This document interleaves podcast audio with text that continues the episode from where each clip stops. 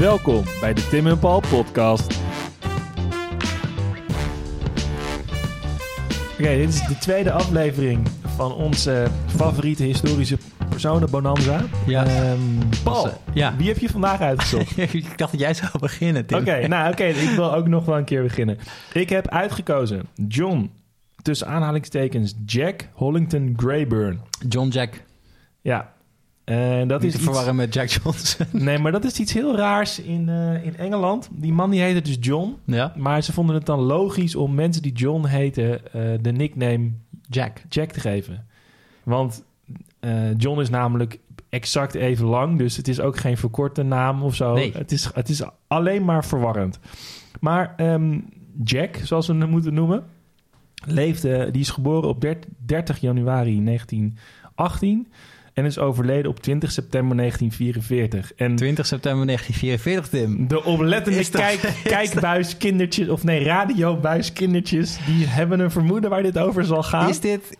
st- Stuur je ons nu richting de, de Market Garden, De slag om Arnhem, Wauw. inderdaad. Ehm, en ik ga, het, ik ga het gewoon op tafel leggen. Doe het. Ehm, Jack, John. Jack Rayburn, John Hollington Jack, John, is by far mijn favoriete persoon in slag om Arnhem. Ja. Het is niet alleen omdat ik... En even... De Slag om Arnhem is de favoriete slag in jouw- jouw repertoire, of niet? Nou, ja, nou ja, het is, het is dat ik een tijdje me daar professioneel mee bezig gehouden heb. Ehm, nee, eh, het is een lang verhaal, maar hij is wel gewoon echt sick. eh, op heel veel niveaus.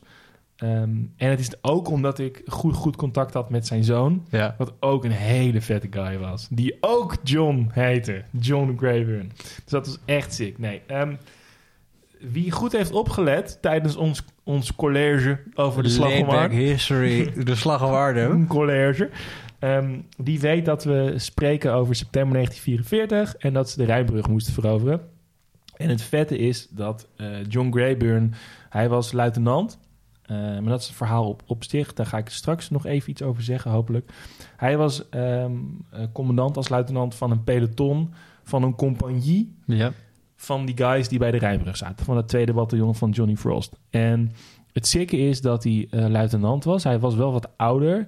Maar hij, hij zat eerst bij de Oxford, Oxford Hampshire en Buckinghamshire Light Infantry. Dat is ook een regiment. Ja. Ehm, vraag me niet waarom ze zo heten. Eh, en hij heeft toen eh, eh, aangevraagd om overgeplaatst te worden naar het Parachute Regiment. Omdat Dat zijn de harde, harde kern, zeg maar. ja, gewoon die sikke guys. En die Oxford Hampshire en Buckinghamshire Light Infantry.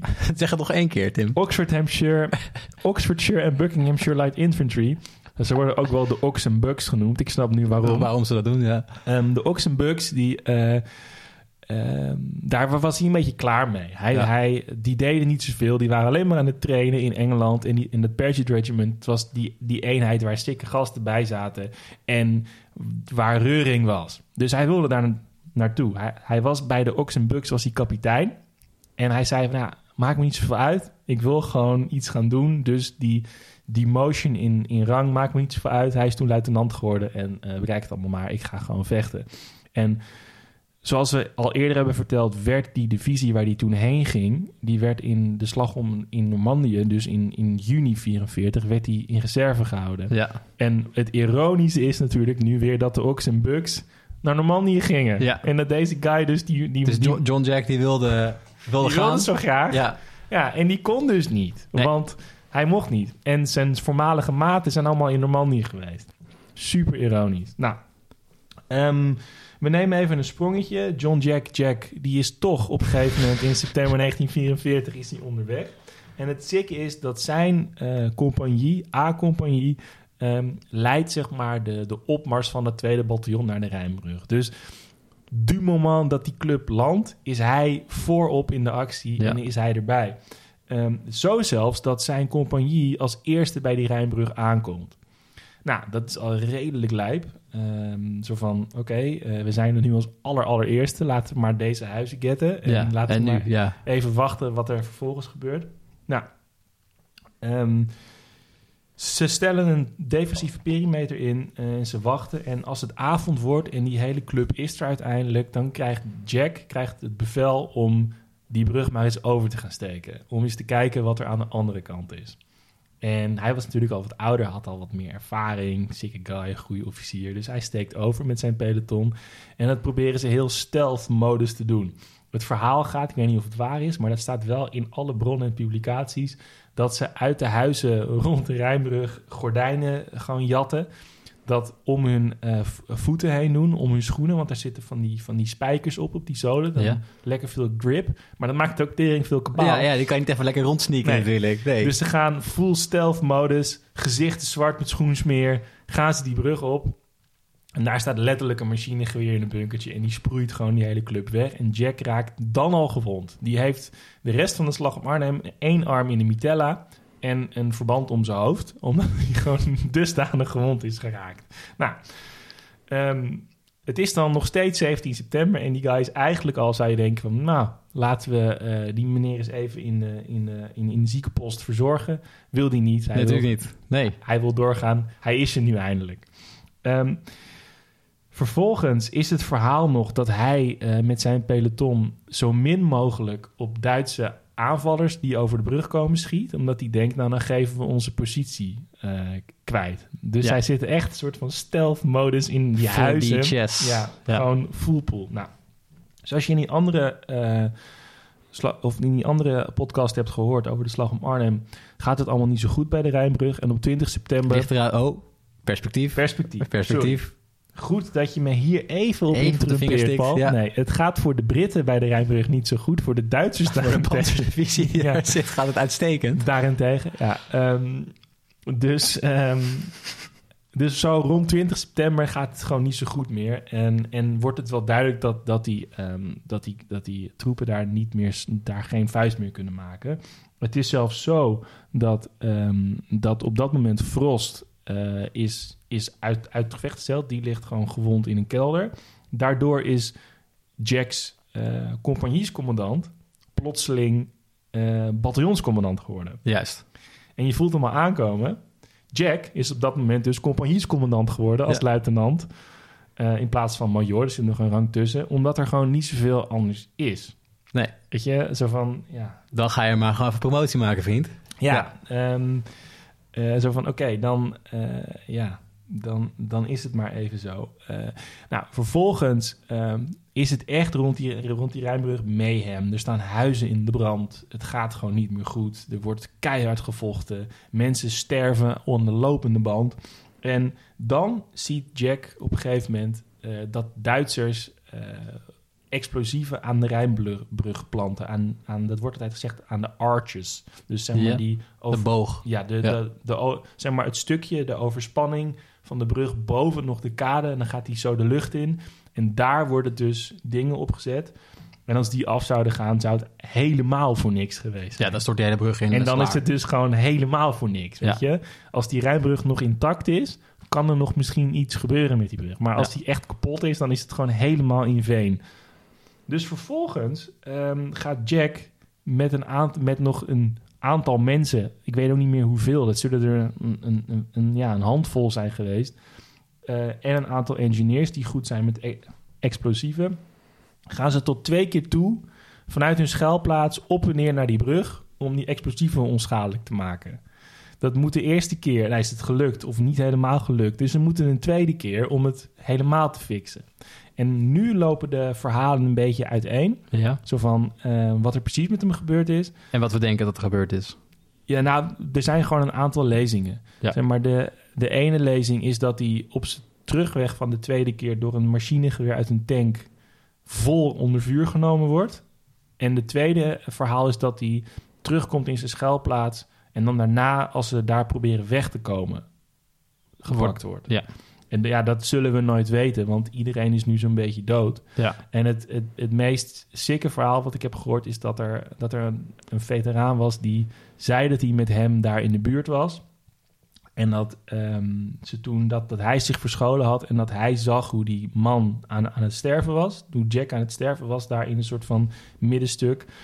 Eh, en dat hij toen riep van, moet ik je komen helpen? Ja. Je, luitenant, moet ik je komen halen? En dat, hij, dat Jack toen riep, leave me, leave me. En ik, het is een En beetje... dus geschieden. Het is een beetje Saving Private Ryan, heb Ja. ik het idee.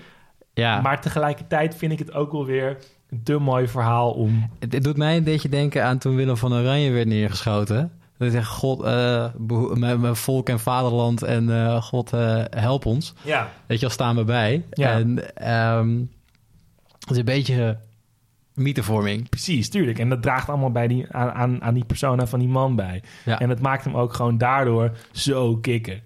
Ehm, en het, het, ver- vervolgens is het nog zo dat hij heeft na de slag om Arnhem, dus postuum, heeft hij het Victoria Cross medaille gekregen. En dat is zeg maar, ja, vergelijk het met de militaire Willemsorde in Nederland. Ja, dat is de, de belangrijkste... Hoger is er niet. Nee. En dan is ook nog de, het Victoria Cross zeldzamer. Die is minder vaak uitgedeeld dan het militaire Willemsorde. Nu is het wel zo, daar hebben we het volgens mij vorige keer ook over gehad, een jaar geleden, dat Ja. die Victoria Crosses wel redelijk goed bedeeld waren onder de mensen die bij de Market Garden aanwezig waren. ja, toch? en dat is nog wel iets waar ik, of ik weet niet of ik het ga zijn, maar waar iemand echt een keer naar moet gaan kijken. Ehm, omdat de politiek van dat soort onderscheidingen is natuurlijk minstens zo interessant als deze individuele verhalen. En je gaat je bijna afvragen waarom er, wat is het, in negen dagen vijf van die medailles worden uitgedeeld. Terwijl er in, in de Normandië-campagne eh, campagne misschien een fractie daarvan per Ja. dag wordt uitgedeeld. En dat is wel echt iets stofs. En dat zal er natuurlijk mee te maken hebben dat, die, dat de slag om Arnhem in Brits perspectief verloren is. En dat daar een soort van vergoeilijking Maar het is een zit. heroïs, heroïsche Ja. nederlaag. Ja. Ja, zeker. Maar weet je, dat, dat maakt het verhaal van, eh van Greyburn niet minder schrijnend. Nee. En ook des te ironischer, weet je al, dat hij dus... Ik wil overigens met, met die opmerking wil ik ook niet zeggen dat hij dit niet verdiend heeft Nee, of nee, zo. nee, Ik natuurlijk bedoel, niet. Nee, dat- maar, nee, maar ja. dat, dat ligt op de loer. En daarom had ik ook moeite om, om, om, om dat artikel wel te schrijven. Omdat je, het gaat gewoon om de insteek en, en hoe je dit neerzet. Want het, het gevaar is natuurlijk dat je het relativeert en Ja, misschien die, die, die, badinerend die uit de hoek komt. historicus ook niet echt zijn of Nee. zo. Ik bedoel, je moet kritisch zijn natuurlijk en Ja. kijken naar de patronen, maar je wil niet zeggen, oh, natuurlijk krijgen ze Ja. dat omdat ze verloren hebben. Ja. En, en wat ik ook nog wel tof vond, was, was dat, ehm, dat ik met die zoon erover sprak. En ook juist hi- hierover. En juist over waarom hij dan wel gekozen was. En waarom niet John Frost bijvoorbeeld. Die ook iets redelijk lijps heeft gedaan daar toch, naar, naar omstandigheden. En toen zei die zoon ook van... Ik heb het altijd zo gezien dat, het, dat, het, dat mijn vader dat ding heeft gekregen... maar dat die onderscheiding voor het regiment was Juist. omdat ze daar met z'n allen waren en zo hard gevochten hebben. En hij zei ook daarom van daarom moet die medaille moet die ook gewoon in het regimentsmuseum in Engeland zijn. Precies. En, En, niet, ja. ja. en niet bij mij thuis of waar dan ook, weet je wel. Maar kan hij daar niet voor zorgen dan? Ja, ja hij, heeft, hij heeft die medaille nog steeds. Ja. Dat is ook heel Maar kan tof. hij dat niet aan het regiment geven? Nee, natuurlijk. Hij heeft, Ja. hij heeft hem nu in, in langdurige bruikleen aan het, aan het museum. Misschien dat ik, had ik dat eerst moeten zeggen. Maar hij heeft, hij heeft die medaille nog zelf. En hij heeft gekozen om dat in langdurige bruikleen aan het museum te geven. Ja. Zo van, dan is het bij het regiment. En dan hebben zij er nu ook nog wat aan. dit- John Jack is een symbool. Tuurlijk. Eh, ja, top. Daarover gesproken, Paul. Ja. Wie is jouw persoon van de week? ja, we gaan het weer hebben over scheepvaart, Tim. Oh, Paul. Ja, ja, een maritieme jongen. Ehm zeeziek eh, op de pont. Maar goed, we gaan het hebben over Cornelis de Houtman. Ik had het niet anders verwacht, eerlijk Nee. gezegd. Nee, eh, Cornelis de Houtman. ehm, bekend van de eerste schipvaart. Ja, Zij- Jij zegt ja. ja ik zeg ja. Jij zegt maar, ja. eh, Ehm, het gekke is... dat weet ik, Paul. Ja. Dat weet jij natuurlijk, ja. Als Eminence Grise om het conservatorgilde. Ehm het gekke is, ehm, als ik in mijn normale leven als, als gids of als rondleidertje... eh, bijvoorbeeld in het Scheepvaartmuseum ben... en daar mensen de vraag stel... kennen jullie Willem Barends? Dan, Dan denk ik wel dat er een aantal dan handen... zijn dan ja. gaan de handjes in de lucht, hoor. Ja. Dan gaan de handjes in de lucht voor de Nederlandse ontdekkingsreizigers. Ehm, daar is een film over gemaakt met Duitse Cruise en zo. Dat was fantastisch. Ehm, en als ik dan navraag wie is Cornelis de Houtman, niemand Ja, die dat weet. Of heel select genootschap die dat dan, eh, dan weet. En waarom is dat nou zo intrigerend? Omdat het verhaal van Barends, wil ik even niet aan afdoen... maar het verhaal van de Houtman is minstens net zo spectaculair... als het verhaal van Barends en het behouden huis. maak me gek, Paul. Ik ga je gek maken. Eh, we leven eind 16e eeuw. Oké. Eh, we zitten in Amsterdam en er gaan twee expedities op pad. Eentje van Barends, die gaat via de noordelijke passage richting Indonesië. Of richting China. En die Dat- kwamen zo vast te zitten in Die kwamen ijs. vastzitten op Nova Zembla ongeveer halverwege. Ja. Eh, lang verhaal kort, dat gaat niet helemaal goed. Barends gaat dood. Kwestie van perspectief ook? Voor de Portugezen ging voor de. Portugezen ging het en voor Ja, dat ging inderdaad wel goed. Een goed punt. Eh, de lokale ijsberen hadden er minder plezier van. Ehm, de, eh, de expeditie van de Houtman, die vertrekt ook uit Amsterdam. Die gaat via wat ze dan de Portugese route noemen. Dus Ja. dat is via de Kaap. Via Kaap de Ja. Goede Hoop, eh, Zuid-Afrika. Nou, waarom doen ze dat nou? Ze zijn alle twee op zoek naar een passage richting China vanwege de specerijenhandel. Ja. Eh, we hebben oorlog met de Spanjaarden en de Portugezen. Dus dat is belangrijk om die specerijen te, te En ook gewoon de Spanjaarden te fokken, sowieso. toch? Dat is Dat is, altijd dat goed. is per definitie. Nu is het een beetje lastig voor de Spanjaarden. Maar mocht je de kans hebben. Ja. Ik noem een 5-1 in Brazilië 2014. is gewoon een mooi moment. Ehm, dat ligt diep, jongens. Anyway, we gaan eh, verder Ja, met de houtman. van Van Persie was wel echt sick. Dat was echt belachelijk, Ja, hè? De- blind. Sick. Oké, de Ja, houtman. Goed. Anyway, de houtman ehm, gaat vertrekken uit Amsterdam met vier schepen eind eh 16e eeuw. En die vier schepen, die ronden de kaap en die komen uiteindelijk aan op Java. Op Bantam. Bantam is op dat moment eigenlijk de belangrijkste plaats in, Ja. eh, of op Java. En eh, daar zitten al wel wat Portugezen, want de Nederlanders zijn redelijk laat in het koloniale spel, als ik het even Ja. zo mag, eh, mag noemen. Ehm, die komen er aan en die, zeggen, die mensen zeggen, ja, we zijn al aan het handelen met Europa, weet je. We hebben jullie niet per se nodig. Want Ja. voor die mensen daar, en dat is denk ik wel goed om te beseffen... het boeit hun geen ster aan wie ze hun spullen verkopen... als ze maar gewoon het meeste geld mee kunnen verdienen, Ja. weet je wel. Voor Nederland is het natuurlijk wel belangrijk op dat moment... dat die Portugezen en die Spanjaarden buitenspel worden gezet. Ehm, en dat gaat ook langzaam maar zeker gebeuren. Maar dat gaat niet zonder slag of stoot. Want om even eh, kort vooruit te lopen op de zaken... De Houtman vertrekt met vier schepen uit Amsterdam. Mhm. Komt er met twee terug.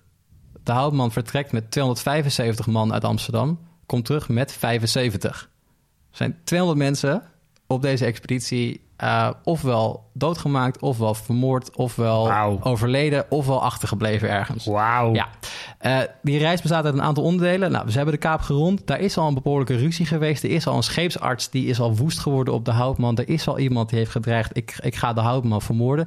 Niet de meest stabiele leider die je kan hebben op zo'n expeditie. Ehm, zijn broer gaat ook mee, dat is Frederik de Houtman. Die is eh, wat rustiger, wat beter. Wat, die schrijft ook alles keurig op. Maar waarom is iedereen zo boos op hem? Omdat de houtman, als ik het even in, Amst- in oud-Nederlands mag zeggen, gewoon een enorme lul is. en ehm, het is een zakenman. Ik weet niet zeker hoe goed hij is in het leidinggeven van andere mensen. Ik, ik zou, het is een hele kromme vergelijking, maar we noemen het een Donald Trump. Hm, Enorme bullebak, vervelende man. Ja. Ehm, Maar hij is, hij, is wel op, hij is wel met een reden op die positie gekomen. precies, ja, omdat hij zich ingekocht had en er zijn allerlei contracten voor en dat soort dingen. Maar Dit- is, is het dan een goede navigator? Is het een goede Niet per goede se, maar hij heeft wel gewoon eh, ervaring met de mensen. En hij heeft eh, de schepen en het geld ingelegd, et cetera. Dus het is zo, hè, dit- je weet natuurlijk nooit hoe zo'n expeditie gaat als je, iemand, als je het voor het eerst gaat doen. Dit is overigens de, de Compagnie van Verre. Ook een podcast Hebben we ook, zich. ja. Ja, Shout-out ehm, naar Duke. Duke. Ehm, de Compagnie van Verre gaat vertrekken en dat loopt dus helemaal eh, uit de klauwen. Want er was een scheepsraad tussen die vier schepen. En het was een beetje een democratie aan boord van die vier Mhm. schepen. Maar de Ja. houtman trekt al die macht al vrij snel naar zich toe. Nou, er wordt ook iemand vermoord onder dubieuze wijze. En dat gaat allemaal een beetje mis. Het is allemaal een soort van kat-en-muisspel. Dan vervolgens breekt de scheurbuik uit. As Vet. one does. Ja. Ehm, dan komen ze aan op Madagaskar. En Madagaskar, een prachtig eiland. Eén kant van het eiland is eh, goed voor eten en Ja. drinken. eh, schoon water, eh, fruit. Dingen die je nodig hebt als je scheurbuik hebt. Hè? Dat is best Ja. wel een nare ziekte. De andere kant is een min of meer een woestijn. Nou, Hm. jij mag twee keer raden aan welke kant de Houtman aankomt met zijn expedities. De woestijn? Precies, ja. En daar heet nu, is nu een plaats, dat heet het Hollands Kerkhof. Want daar liggen een aantal mensen van die expeditie begraven. De Houtman gaat verder. En ze komen aan op Bantam. En, ehm, en dit is denk ik een interessant stuk. eh, naast dat het heel bizar is wat er allemaal gebeurt. Maar ook hoe de Nederlandse diplomatie of internationale diplomatie op dat moment werkt. De Portugees zit er al, dus de voertaal is of Portugees of Arabisch. Hm. Java is een, een eiland, eh Ja. islamitisch eiland. Ehm, ze komen eraan. De houtman die wil natuurlijk gaan onderhandelen met de lokale, eh, lokale heersers. Er wordt vastgezet. Gaat de gevangenis in. Want het gaat niet helemaal soepel. Eh, als wraak daarvoor beschieten die schepen Bantam. De houtman wordt weer vrijgelaten. Nou, dat kost ook natuurlijk wat, een aantal levens aan boord van die schepen. Ze varen, eh, ze varen verder. Ze komen aan het einde van, uh, aan de oostkant van Java terecht. Gaan ze met een andere lokale vorst praten. En je moet ook begrijpen dat op dat moment Java verschillende vorstendommen en ja. dat soort dingen bestaat. Dus je kan een Game of Thrones spel spelen. Ze komen daar aan en de sultan van, ik ben even, ik denk Surabaya, die komt daar aan. En um, die ziet daar op, die uh, op de schepen van de, de Compagnie van Verre allerlei rode vlaggen hangen. Dat is namelijk in de Nederlandse traditie. Je hangt rode vlaggetjes, rood met witte vlaggetjes hang je op als een soort van verwelkoming van een gast, van eer. Ja. Dat is in Nederland zo. Daar is het een teken van aanval. Dus wat doen ze? Die, die, die, keizerlijke garde die gaat naar het schip de Amsterdam toe, komt daar aan boord en ze denken om iedereen voor te zijn, slachten wij daar gewoon even iedereen af. Top. Ja, dus de Amsterdam met die, met die uh, scheepsbevolking doet even niet meer mee in het hele verhaal. Wauw. Ja, miscommunicatie. Gevaarlijk. Vervolgens, om het verhaal nog wat erger te maken, gebeurt dit nog een keer. Alleen dan net even weer andersom. De vlaggen hangen uit. Er komt lokale vorst komt er, komt er naartoe. Maar er staat een beetje wind. Dus dat schip van die vorst, die drijft een af. Drijven, Die begint niet naar het schip van de houtman te gaan... maar die gaat naar het andere schip toe. Dus die jongens die voelen erbij al hangen. Dus die laden hun kanonnen en schieten daar volledig... de hele keizerlijke garde plus sultan plus koninklijke familie aan gort. Um, ook weer miscommunicatie. Um, dan denk je, nou, deze expeditie kan nooit uitlopen op een. Uh, kan nooit kan, dit kan nooit succesvol zijn geweest. Maar dit gaat natuurlijk al op de vier punten dingen. Het gaat volledig mis. Uiteindelijk komen ze aan op Bali. En het eerste wat, wat er geschreven wordt over Bali is eigenlijk het beeld dat we nog steeds misschien wel hebben over Bali, namelijk een prachtig tropisch paradijs. paradijs. Het is dan maar ja, nu inmiddels overgenomen door de Nederlanders en de Australische backpackers daar. Maar in het begin gewoon een prachtig mooi eiland. Er gaan een aantal mensen die zeggen: jongens, de groeten, wij blijven op, uh, op Bali. Wij gaan niet terug naar Nederland. Zou ik ook doen. Ja. Trouwen in de, in de belangrijke families daar en die, die blijven daar ook gewoon zitten. Ja. Nou, de rest van die schepen die keert dan terug. Gaan ook nog wat mensen dood, scheurbuik. Uh, hetzelfde verhaal weer. Die komen terug richting Nederland. Er zijn nog drie schepen over. Wat, waar is die vierde dan? Die is al gezonken in Indonesië. Okay. Van de drie schepen blijft er eentje hangen tussen Texel en Den Helder. Zinkt daar ook. Op twee uh, dagen voordat je thuis bent. Maar, maar, maar, die, die mensen die komen daar wel af, toch? Min of meer. Ja. Uh, vervolgens komen ze terug in Amsterdam. 75 mensen over, twee schepen komen in Amsterdam aan. Waarom is het nou een succesverhaal? Want op het schip van de houtman is een kist met peper. Ja. Genoeg geld verdiend om kie te spelen met één kist of een paar ton peper. Ja. En uh, dit gaat uiteindelijk leiden. Wat natuurlijk belangrijker is, is um, dat, dat dit natuurlijk zeg maar die hele VOC en de hele uh, handel op Indië. Ja, eh, de route van de Portugezen is gekraakt. En daar heeft het natuurlijk ook over gehad. Het gaat over die cartografie en die diefstal met. Uh, ja. Hoe dat allemaal gegaan is op dat moment. Lastig bedrijfsdiefstal. De route is gekraakt. Dus de, kan de Republiek kan richting Indonesië. En dat gaan ze ook in vol ornaat gaan ze dat doen. Want in 1602 wordt de VOC opgericht. Dat is drie, vier jaar nadat dit verhaal plaatsvindt. En vervolgens krijgen we dat verhaal van de VOC. Cornelis de Houtman. Oké, okay, vet. Ja. Vet.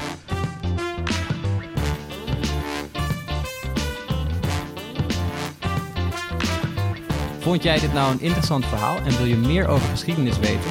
Hou dan onze Instagram in de gaten. We zouden het ook heel leuk vinden als je een recensie achterlaat. Vijf sterren, mag gewoon. En heb je nou een vet idee waar we het over kunnen hebben? Slide dan in onze DM's. Durf gewoon te vragen. Tot de volgende.